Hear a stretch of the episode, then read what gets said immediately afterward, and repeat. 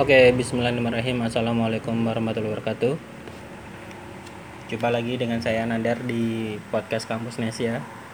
Masih dalam series uh, kelas menulis ala Kampus Nesia. Dan kita masuk ke video yang ke berapa nih berarti? Keempat ya, keempat. Dan uh, tema kita di video keempat ini adalah tentang uh, menulis tips menulis review jadi uh, review apa pun ya uh, kalau yang mungkin yang pernah saya tulis adalah review paling sering itu film dan drama Korea kemudian makanan kemudian mungkin pengalaman-pengalaman sehari-hari yang yang yang semoga aja ada yang mendapatkan manfaat dari tulisan itu. Jadi prinsipnya teman-teman ketika kita mau menulis review itu adalah kita harus menulis dengan jujur ya. Maksudnya jujur tuh ya ya nggak perlu kemudian jadi orang jahat menjelek-jelekan juga enggak tapi maksudnya ya ya jangan jangan berlebihan juga gitu.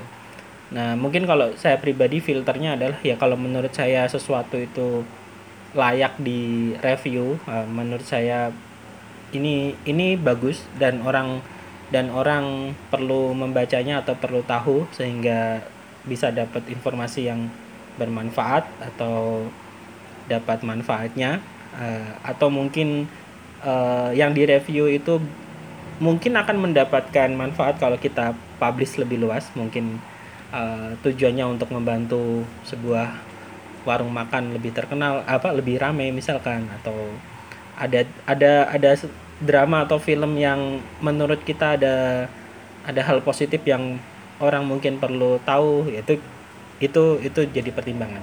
Uh, bahkan uh, ya jadi masing-masing ya nantinya akan punya filter sendiri ya. Seperti saya mungkin ya walaupun mungkin lebih banyak drama atau film atau series barat yang saya tonton nggak semua pada akhirnya itu saya tulis jadi sebuah review. Karena ada beberapa hal yang menurut saya ini cukup dikonsumsi uh, secara pribadi aja gitu.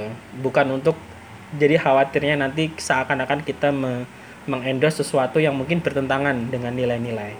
Ya teman-teman mungkin paham arahnya ya. Jadi ya ya cukup kita tonton aja. Mungkin nggak perlu di disampaikan ke publik publik gitu. Jadi ya kalau orang lain mau nonton itu silahkan yang penting bukan karena uh, ajakan atau review kita gitu. Jadi uh, secara sederhana ya tulisan review itu harus memenuhi paling enggak kaidah penulisan ya 5W1H ya.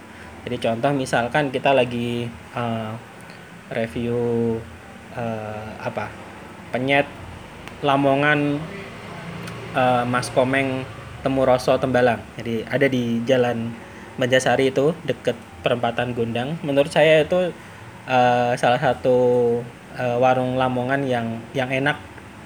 Karena rasa dan sambelnya juga uh, beliau termasuk udah lama kali ya mungkin hampir kapan ya? Saya kenal pertama tuh mungkin 2007 jadi jadi mungkin hampir 15 tahun kali ya di di Tembalang ya beliau ya. Nah itu menarik kan dari sisi dari sisi konten itu menarik karena ada ada nilai-nilai nilai-nilai lebihnya bukan sekedar kita ngomongin makanan. Jadi yang kita perlu sampaikan ya apa nih? Berarti penyet penyet penyet lamongan nih gitu. E, seperti apa rasanya? Harganya berapa? Tempatnya di mana? Siapa penjualnya? Nanti e, bagaimana penyajiannya mungkin? Bagaimana pelayanannya? Bagaimana e, rasanya kemudian kita tambahin dengan unsur-unsur uh, yang sifatnya bisa membawa uh, emosional pembaca. Seperti tadi sejarahnya.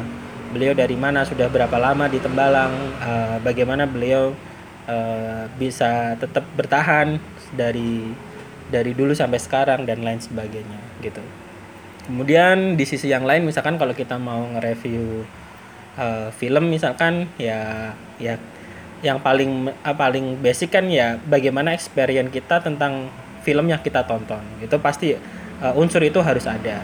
Yang kedua ya jalan cerita. Tapi hati-hati nih ya bedakan antara antara apa spoiler sama nge-review gitu. Kadang-kala kita ambigu nih kita maunya nge-review tapi tanpa sadar kita ngasih semua alur cerita filmnya atau dramanya. Jadi ya ya akhirnya itu bocoran ya saya nggak tahu ya ini tren di YouTube tuh konten alur cerita alur cerita recap cerita itu banyak banget dan view-nya itu gede-gede gitu. Ya tapi ya saya memilih untuk tidak membuat itu ya ya gimana ya? Ya kurang suka aja maksudnya. Tapi kalau atau kalau apa uh, review kemudian pembahasan uh, menarik itu misalkan contohnya favorit saya kalau tentang review itu Sinecrip di channel YouTube Sinecrip apa Sinecrip uh, apalagi kalau pas yang review itu Mas Arya sama Mbak Anti cari deh itu waktu beliau berdua nge-review apa ya uh, layangan putus atau apa ya itu karena beliau suami istri malah jadi ribut sendiri. Oke abaikan. Jadi yang lain misalkan Keramex itu seringnya itu membedah misalkan apa Easter egg segala macam. Jadi kita bisa menambahkan unsur-unsur seperti itu. Misalkan referensi adegan ini scan ini itu referensi kalau misalkan filmnya itu based on uh, komik seperti Marvel atau DC itu referensinya dari uh, komik yang terbit tahun berapa edisi tahun berapa ceritanya itu versi komik gimana kalau dibandingkan sama film gimana. Nah hal, -hal kayak gitu itu kalau kita sisipkan jadi jadi menarik. Termasuk misalkan biar biar review kita itu nggak sekedar review seperti pada umumnya memberi rating aja itu bisa kita tambahkan informasi yang berkaitan. Dan itu bisa jadi nilai plus. Contoh misalkan uh, review drama Korea apa Hometown Cha Cha diperankan oleh Kim Sun Ho sama Shin Min Ah misalkan. Kim Sun Ho ini uh, pernah main apa aja sih gitu. Jadi kita sebutkan drama-drama yang pernah dia perankan. Startup atau atau yang lain gitu ya. Apa uh, itu Welcome to Waikiki gitu dan bagaimana aktingnya sehingga kita bisa berekspektasi di drama yang baru ini ya dengan track record bagaimana dia berakting maka kita bisa berharap apakah ini akan jadi lebih baik atau mungkin lebih lebih buruk gitu. Shin Min Ah juga misalkan kayak gitu. Drama Koreanya apa aja kalau macam.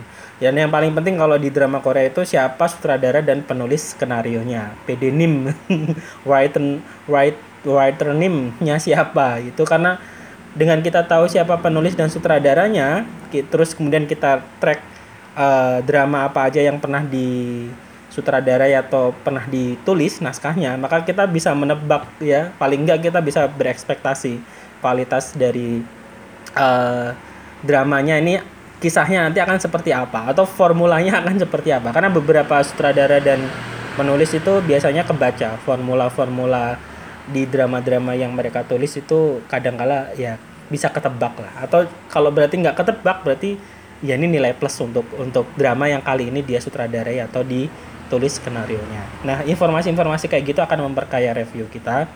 Termasuk kalau makanan jadi nggak melulu itu tentang manis asin dan segala macam tapi kita bisa banyak uh, istilah-istilah yang lain juga untuk menggambarkan uh, uh, betapa nikmatnya makanan yang kita tulis itu gitu.